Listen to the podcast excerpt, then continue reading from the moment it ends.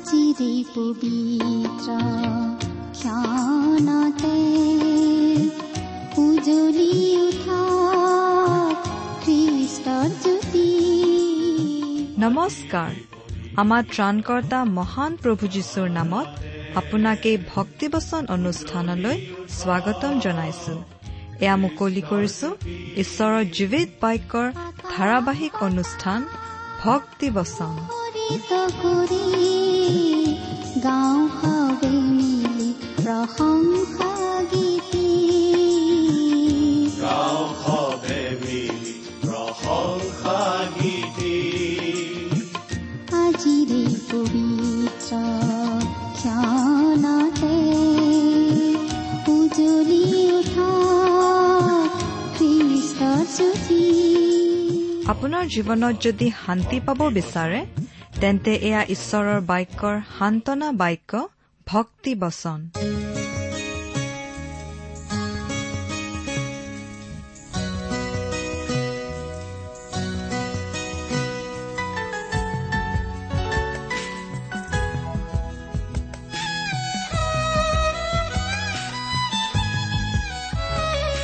হৃদয়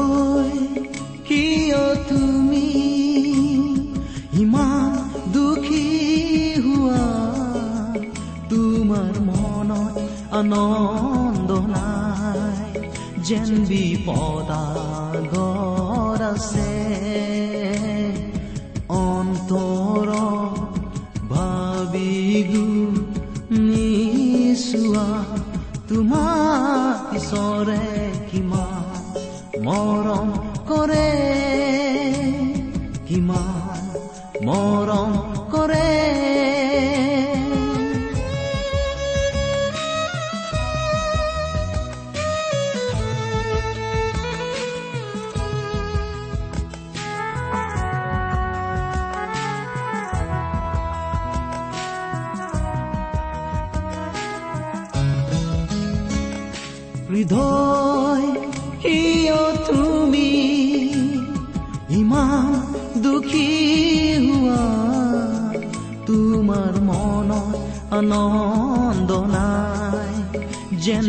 বিপদাগৰ আছে। অন্তৰ ভাবি গুণিছোৱা তোমাৰ ঈশ্বৰে কিমান মৰম কৰে কিমান মৰম কৰে। আমাৰ পৰম পবিত্ৰ প্ৰভু যীশুখ্ৰীষ্টৰ নামত নমস্কাৰ প্ৰিয় শ্ৰোতা। আশা কৰো মহান পিতা পৰমেশ্বৰৰ মহান অনুগ্ৰহত আপুনি ভালে কুশলে আছে। আপুনি বাৰু আমাৰ এই ভক্তিবচন অনুষ্ঠানটো নিয়মিতভাৱে শুনি আছেনে? শুনি কেনে পাইছে আমালৈ চিঠি লিখি জনাবচোন। আমাৰ যোগাযোগৰ ঠিকনা? ভক্তিবচন টি ডাব্লিউ আৰ ইণ্ডিয়া ডাক বাকচ নম্বৰ সাত শূন্য গুৱাহাটী সাত আঠ এক শূন্য শূন্য এক। ঠিকনাটো আৰু এবাৰ কৈছো ভক্তিবচন টি ডাব্লিউ আৰ ইণ্ডিয়া ডাক বাকচ নম্বৰ সাত শূন্য গুৱাহাটী সাত আঠ এক শূন্য শূন্য এক। আহকচোন আজিৰ বাইবেল অধ্যয়ন আৰম্ভ কৰাৰ আগতে খন্তেক প্ৰাৰ্থনাত মূৰ দুৱাওঁ। স্বৰ্গত থকা অসীম দয়ালু পিতৃ ঈশ্বৰ তোমাৰ মহান নামৰ ধন্যবাদ কৰো। তুমি সৰ্বশক্তিমান সৰ্বব্যাপী সৰ্বজ্ঞানী ঈশ্বৰ হৈও আমাৰ দৰে ক্ষুদ্ৰ মানৱক যে ইমান প্ৰেম কৰা সেই কথা ভাবিলেই আচৰিত হওঁ। তুমি আমাক ইমানেই প্ৰেম কৰিলা যে আমাক পৰিত্ৰাণ দিবলৈ তুমি তোমাৰ একেজাত পুত্ৰ যীশুখ্ৰীষ্টকেই আমালৈ দান কৰিলা। তেওঁ ক্ৰুচত নিজৰ পবিত্ৰ তেজেৰে আমাৰ পাপৰ প্ৰাচিত্য কৰিলে। আজি তেওঁত বিশ্বাস কৰি আমি অনন্ত জীৱন লাভ কৰি তোমাক পিতৃ বুলি মাতিব পৰা হৈছো। তাৰ বাবে তোমাক অশেষ ধন্যবাদ পিতা। এতিয়া আমি তোমাৰ মহান বাক্য বাইবেল শাস্ত্ৰ অধ্যয়ন কৰিবলৈ ওলাইছো প্ৰাৰ্থনা কৰিছো তোমাৰ বাক্য তুমিয়েই আমাক বুজাই দিয়া। এই অনুষ্ঠান শুনি থকা আমাৰ মৰমৰ শ্ৰোতাসকলক তুমি উপচি পৰাকৈ আশীৰ্বাদ কৰা। কিয়নো এই প্ৰাৰ্থনা আমাৰ মহান ত্ৰাণকৰ্তা মৃত্যুঞ্জয় প্ৰভু যীশুখ্ৰীষ্টৰ নামত আগবঢ়াইছো।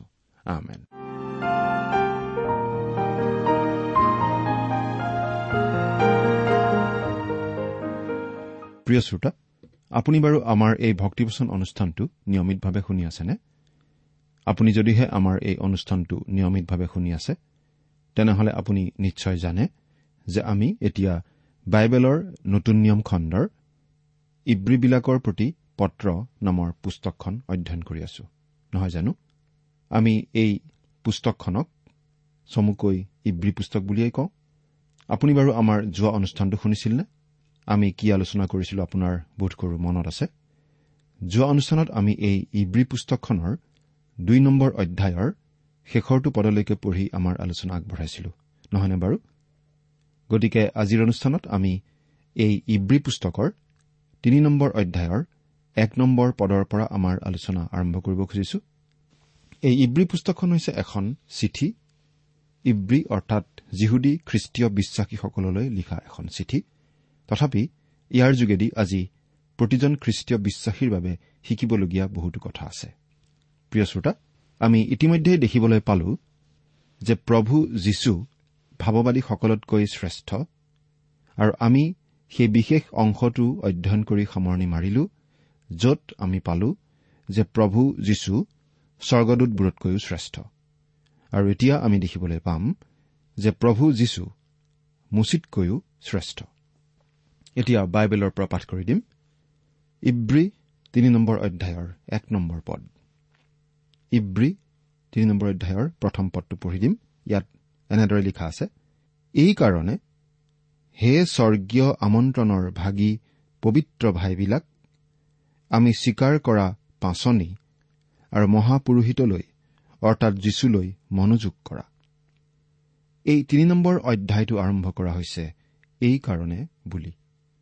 আৰু এই পত্ৰখন পাচনি পৌলেই লিখিছিল বুলি আমি বিশ্বাস কৰাৰ এইটো এটা কাৰণ। পাচনি পৌলে এই কাৰণে বা গতিকে বুলি শব্দকেইটা ব্যৱহাৰ কৰে এটা সংযোগী শব্দৰ নিচিনাকৈ কিবা এটা যুক্তিপূৰ্ণ কথাৰ পৰা আন কিবা এটা কথা সাব্যস্ত কৰিবলৈ। আৰু এতিয়া আমি পোৱা এই পদটোত এই কাৰণে বোলা শব্দ দুটাই তাতকৈও অধিক কথা বুজাইছে। এইটো এখন দুয়োপিনে খোল খাব পৰা দুৱাৰৰ নিচিনা। আগলৈও যায় পিছলৈও যায় এনেকুৱা এখন দুৱাৰৰ নিচিনা। নাইবা এইটো ৰাজপথত পোৱা এখন সাৱধানবাণীৰ ফলকৰ নিচিনা য'ত লিখা আছে পাৰ হোৱাৰ আগতে দুয়োপিনে চাওক। ইয়াত এইকাৰণে বুলি কোৱাৰ লগে লগে আমি লিখকজনে ইতিমধ্যে কোৱা কথাখিনিও চাব লাগিব আৰু এতিয়া তেওঁনো কি কবলৈ আগবাঢ়িছে তালৈও চাব লাগিব। এইকাৰণে হে স্বৰ্গীয় আমন্ত্ৰণৰ ভাগি ইছৰাইল জাতি এটা পাৰ্থিৱ আমন্ত্ৰণৰ ভাগি আছিল। পুৰণি নিয়মত ইছৰাইল জাতিক যিমানবোৰ প্ৰতিজ্ঞা দিয়া হৈছিল সেই সকলোবিলাক প্ৰতিজ্ঞা এই জগতৰ বাবেই। ঈশ্বৰে তেওঁলোকক প্ৰতিজ্ঞা কৰিছিল আকাশৰ পৰা বৰষুণ বৰষাবলৈ। ঈশ্বৰে প্ৰতিজ্ঞা কৰিছিল তেওঁলোকৰ মাটি সাৰুৱা কৰিব বুলি আৰু তেওঁলোকে উভৈনদীকৈ শস্য লাভ কৰিব বুলি। এইবোৰ আছিল জাগতিক আশীৰ্বাদ। অৱশ্যে ঈশ্বৰে তেওঁলোকলৈ আম্মিক আশীৰ্বাদো প্ৰতিজ্ঞা কৰিছিল। কোনো জাগতিক বিষয়ক আম্মিক দৃষ্টিৰে চাব নোৱাৰি বুলি কোৱাটো আচলতে ভুল।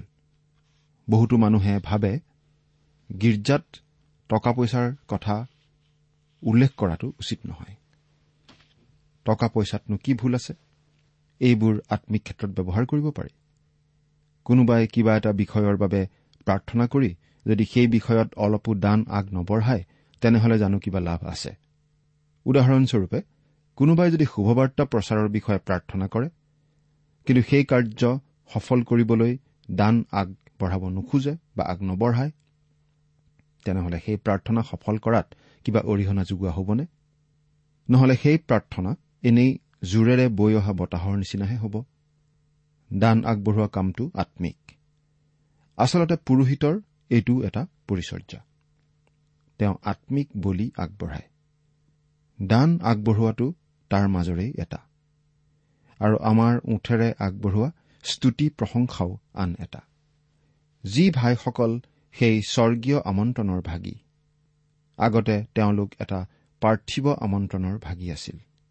আৰু এতিয়া ইছৰাইল জাতিৰ সেই লোকসকলে খ্ৰীষ্টত বিশ্বাস কৰাৰ যোগেদি এটা আধুনিক স্থানলৈ আহিল। সেইবাবেই ইব্ৰীবিলাকলৈ লিখা এই পত্ৰখনত লিখকগৰাকীয়ে এই কথাটো স্পষ্ট কৰি দিয়া আমি দেখিবলৈ পাম। যে আগতে এটা জাগতিক আমন্ত্ৰণৰ ভাগি সেই ইছৰাইলীয়া লোকসকল এতিয়া এটা বেলেগ যুগত প্ৰৱেশ কৰিছে। আগতে তেওঁলোকে মুচিৰ বিধান অনুসৰি মন্দিৰত জন্তু বলি দিছিল আৰু সেই কাম কৰাটো তেওঁলোকৰ বাবে শুদ্ধ আছিল। কিন্তু এতিয়া সেই কাম কৰাটো ভুল কাৰণ বলিবিধানৰ প্ৰথাটো খ্ৰীষ্টত সম্পূৰ্ণ হৈ গ'ল আৰু লুপ্ত হৈ গ'ল। আৰু এতিয়া তেওঁলোক এটা স্বৰ্গীয় আমন্ত্ৰণৰহে ভাগি। আগৰ পাৰ্থিৱ আমন্ত্ৰণটো নোহোৱা হৈ যোৱা নাই কিন্তু সেইটো এতিয়া স্বৰ্গীয় আমন্ত্ৰণলৈ পৰিৱৰ্তিত হ'ল। গতিকে খ্ৰীষ্টত বিশ্বাস স্থাপন কৰা সেই ইব্ৰী লোকসকল এতিয়া এটা স্বৰ্গীয় আমন্ত্ৰণৰহে ভাগি। ইছৰাইলৰ লোকৰ আগত শুভবাৰ্তা বিলোৱা বহুতো লোকে আজি এই কথাটো পৰিষ্কাৰ কৰি দিয়ে। যিহুদী লোক এজনৰ আগত শুভবাৰ্তা দিওঁতে আমি প্ৰায়েই এনেকুৱা এটা ধাৰণা দিব খোজো যে তেওঁ খ্ৰীষ্টক গ্ৰহণ কৰিবলৈ হলে আৰু যিহুদী হৈ থাকিব নোৱাৰিব। এইটো মানুহেনো কিয় কয় আমি নাজানো। কোনো এজন মানুহ যিহুদী হৈ থাকিও খ্ৰীষ্টীয় বিশ্বাসী হ'ব পাৰে। আমি যি জাতিৰ লোক সেই জাতিৰ লোকেই হৈ থাকো খ্ৰীষ্টীয় বিশ্বাসী হোৱাৰ পাছতো। কোনেও আমাক আমাৰ জাতীয়তা এৰি দিবলৈ নকয়। একেদৰে যিহুদী লোক এজন খ্ৰীষ্টীয় বিশ্বাসী হোৱাৰ পাছতো যিহুদী লোক হৈয়ে থাকে।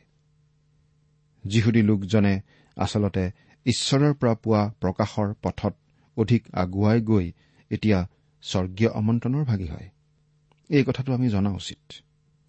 ইব্ৰী পত্ৰখন প্ৰায় অৰ্থহীন যেন হৈ পৰিব যদিহে এই পত্ৰখন কালৈ লিখা হৈছিল সেই কথাটো আমি পাহৰি যাওঁ। তদুপৰি কেতিয়া এই পত্ৰখন লিখা হৈছিল সেইটো অলপ মন কৰিবলগীয়া কথা সেইটো বিশেষভাৱে মনত ৰাখিবলগীয়া কথা। গল্ডেন ৰুল অফ ইণ্টাৰপ্ৰিটেশ্যন নামৰ গ্ৰন্থত শাস্ত্ৰ ব্যাখ্যা কৰাৰ সোণালী নিয়ম সম্বন্ধে এনেদৰে লিখা আছে।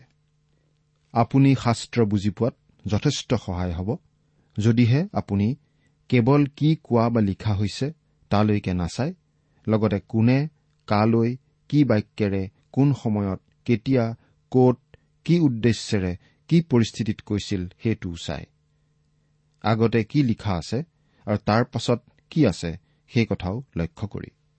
প্ৰিয় শ্ৰোতা এই নিয়মটোত আচলতে আমি আৰু একো যোগ দিবলগীয়া নাই। যদিহে আমি এই সোণালী নিয়মটো ইব্ৰী পুস্তকখনত প্ৰয়োগ কৰো তেতিয়াহ'লে এই পত্ৰখন বুজি পোৱাত আমাৰ নিশ্চয় অসুবিধা নহ'ব।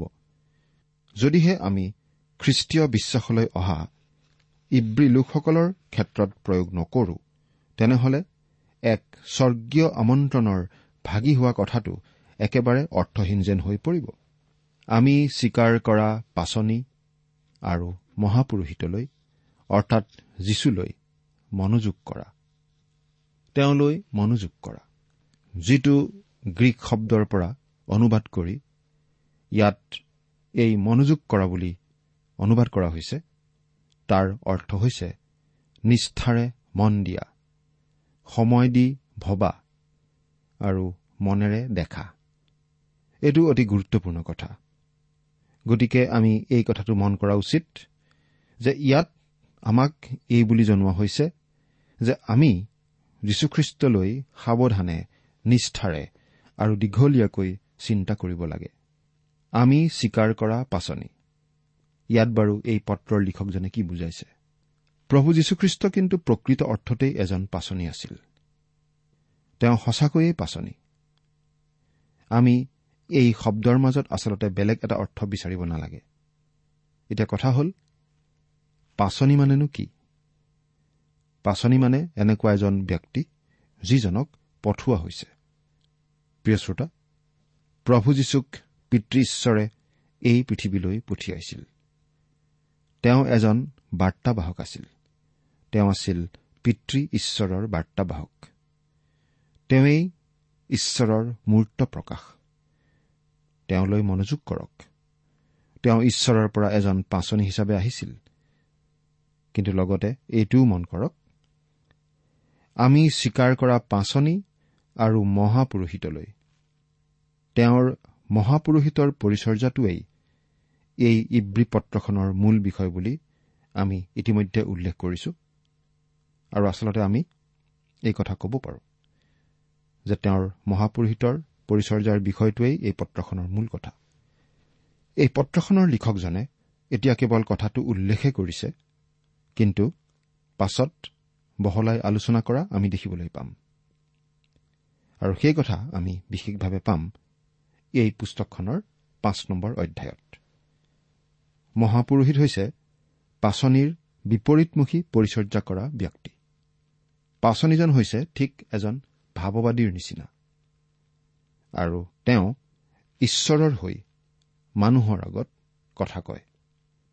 কিন্তু মহাপুৰোহিতজনে মানুহৰ প্ৰতিনিধি হিচাপে ঈশ্বৰৰ আগত মানুহৰ হৈ প্ৰাৰ্থনা নিবেদন আগবঢ়ায়। প্ৰভু যীশু আমাৰ মহাপুৰোহিত। তেওঁনো কোন?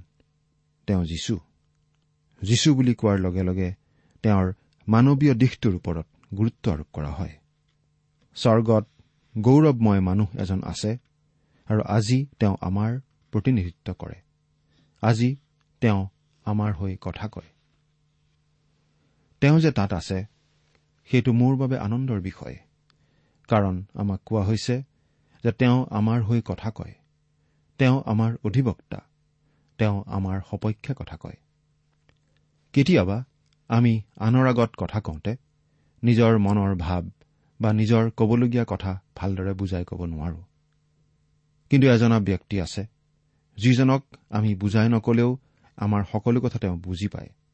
আমাৰ সকলো ভাৱ অনুভূতি তেওঁ জানে। প্ৰিয় শ্ৰোতা আজি আপুনি কেনেকুৱা অনুভৱ কৰি আছে? সেই সকলো প্ৰভু যীশুৱে জানে। এই কথাটো আপুনি গুৰুত্ব সহকাৰে চিন্তা কৰা উচিত। আমাৰ এজন মহাপুৰোহিত আছে যিজনক ঈশ্বৰে পঠালে আৰু তেওঁ আমাৰ প্ৰতিনিধি হিচাপে আমাৰ মহাপুৰোহিত হবলৈ আকৌ স্বৰ্গলৈ গ'ল আৰু আপোনাৰ মূৰ হৈ নিবেদন জনাবলৈ তেওঁ স্বৰ্গত আছে আৰু সেই কাম তেওঁ কৰি আছে। এৰা এই পদটো সঁচাকৈয়ে এটা মনোমোহা পদ। এতিয়া এই ইব্ৰী পত্ৰখনৰ লিখকে আমাক এইটো দেখুৱাব যে খ্ৰীষ্ট মুচিতকৈ শ্ৰেষ্ঠ। পুৰণি নিয়মৰ দিনত ঈশ্বৰৰ হৈ মানুহৰ আগত কথা কোৱা ভাৱবাদীসকলতকৈ যীশুক শ্ৰেষ্ঠ বুলি ইতিমধ্যে দেখুওৱা হ'ল। তাৰ পাছত স্বৰ্গদূতসকলতকৈ যীশুক শ্ৰেষ্ঠ বুলি দেখুওৱা হ'ল। আৰু এতিয়া যীশুক মুচিতকৈও শ্ৰেষ্ঠ বুলি দেখুৱাব খোজা হৈছে কাৰণ সেই ইব্ৰী লোকসকলৰ কাৰণে মুচি অতি গুৰুত্বপূৰ্ণ ব্যক্তি। ইব্ৰী লোকসকলৰ মাজত কেতিয়াবা কেতিয়াবা তৰ্ক বিতৰ্কও হয়। অব্ৰাহাম ডাঙৰ নে মুচি ডাঙৰ সেই বিষয়টোকে লৈ বেছিভাগেই অৱশ্যে মুচিক ডাঙৰ বুলি মানিব খোজে। সেই মুচিতকৈ যীচুক শ্ৰেষ্ঠ বুলি এতিয়া এই ইব্ৰী পত্ৰৰ লিখকে দেখুৱাব খুজিছে।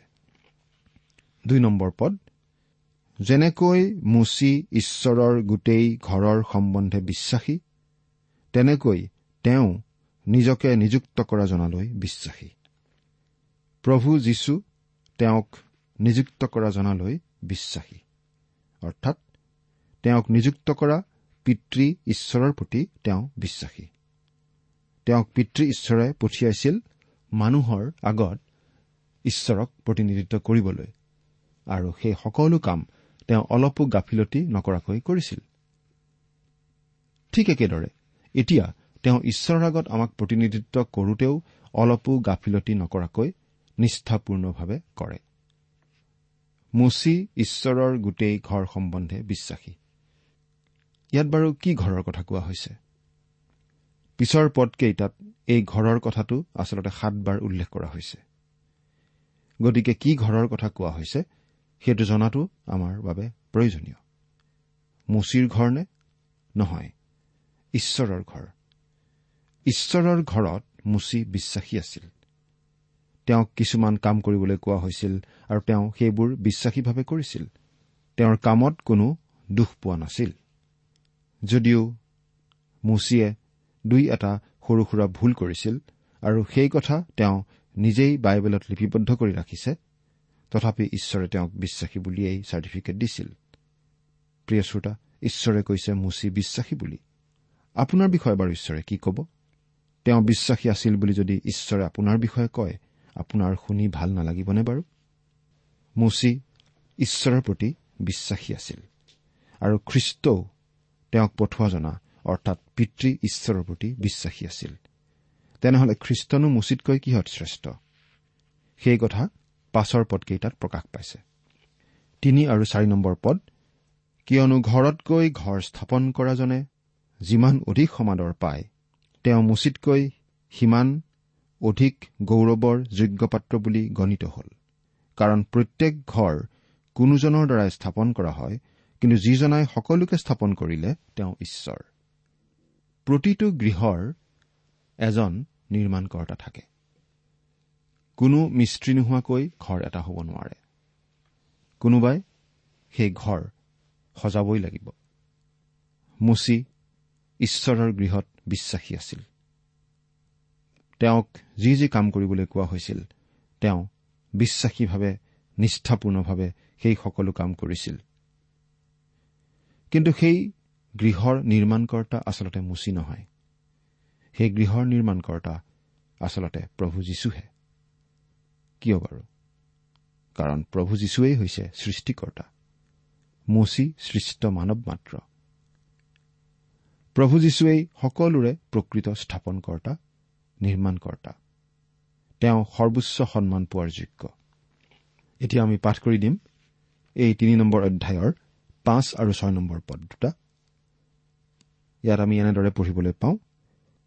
আৰু যি যি কথা আগলৈ কবলগীয়া আছিল সেই সকলোৰ সাক্ষৰ অৰ্থে মুচি হলে সেৱক হৈ ঈশ্বৰৰ গোটেই ঘৰৰ সম্বন্ধে বিশ্বাসী আছিল। কিন্তু খ্ৰীষ্ট হলে পুত্ৰ হৈ তেওঁৰ ঘৰৰ ওপৰত বিশ্বাসী।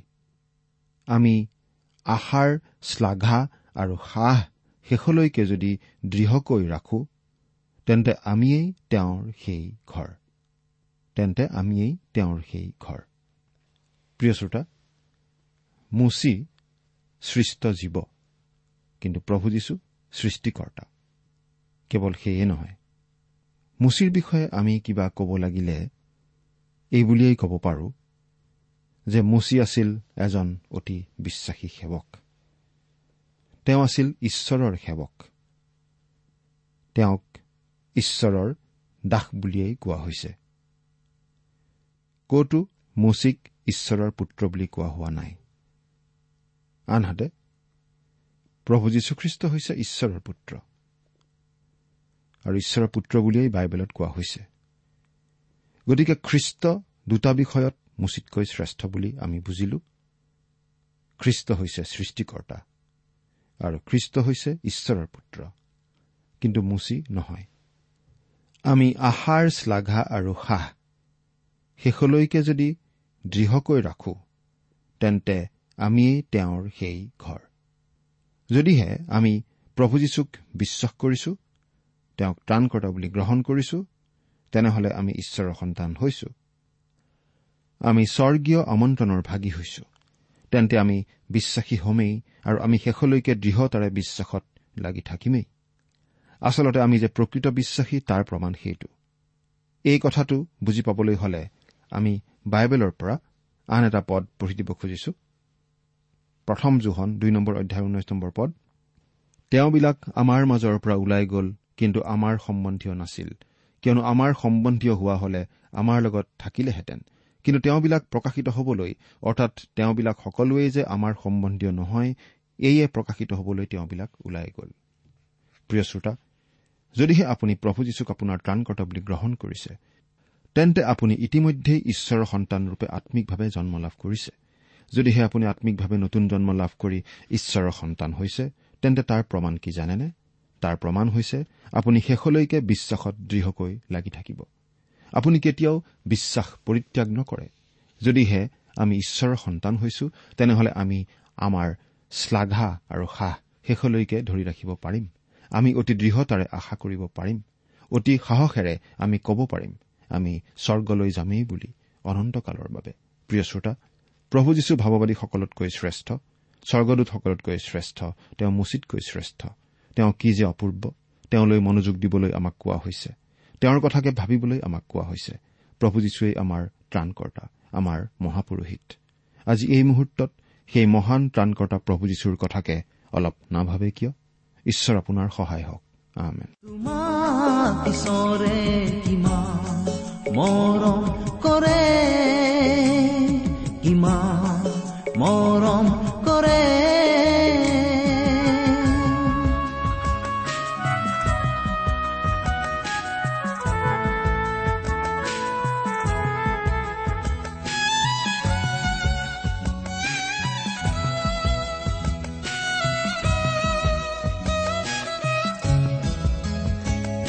যিছু গ্ৰহণ কৰা আনন্দ জীৱন পাবা।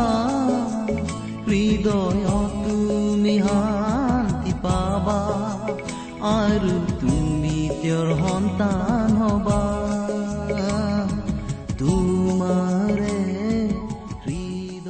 ইমান পৰে আপুনি ভক্তিবচন অনুষ্ঠানটি শুনিলে। অনুষ্ঠানটি শুনি কেনে পালে? আমালৈ চিঠি লিখি জনাবচোন। অনুষ্ঠানত প্ৰচাৰ কৰা কোনো কথা বুজিব লগা থাকিলেও আমালৈ লিখক। আমাৰ ঠিকনা ভক্তিবচন টি ডাব্লিউ আৰ ইণ্ডিয়া ডাক বাকচ নম্বৰ সাত শূন্য গুৱাহাটী সাত আঠ এক শূন্য শূন্য এক। ঠিকনাটো আৰু এবাৰ কৈছো ভক্তিবচন টি ডাব্লিউ আৰ ইণ্ডিয়া ডাক বাকচ নম্বৰ সাত শূন্য গুৱাহাটী সাত আঠ এক শূন্য শূন্য এক। আপুনি ইমেইল যোগেৰেও আমাৰ সৈতে যোগাযোগ কৰিব পাৰে। আমাৰ ইমেইল আইডিটো হৈছে Assamese T TV at radio' eight eight two dot com. আইডিটো আকৌ এবাৰ কৈছো। Assamese T TV at radio' eight eight two dot com. আপুনি টেলিফোনৰ মাধ্যমেৰেও আমাক যোগাযোগ কৰিব পাৰে। আমাৰ টেলিফোন নম্বৰটো হৈছে শূন্য তিনি ছয় এক দুই ছয় শূন্য চাৰি ছয় সাত এক। ফোন নম্বৰটো আকৌ এবাৰ কৈছো zero' three six one two six zero' four six seven one. আজিৰ অনুষ্ঠানটি ইমানতে সামৰিছো। ঈশ্বৰৰ শান্তি আৰু অনুগ্ৰহ আপোনাৰ লগত থাকক। ধন্যবাদ।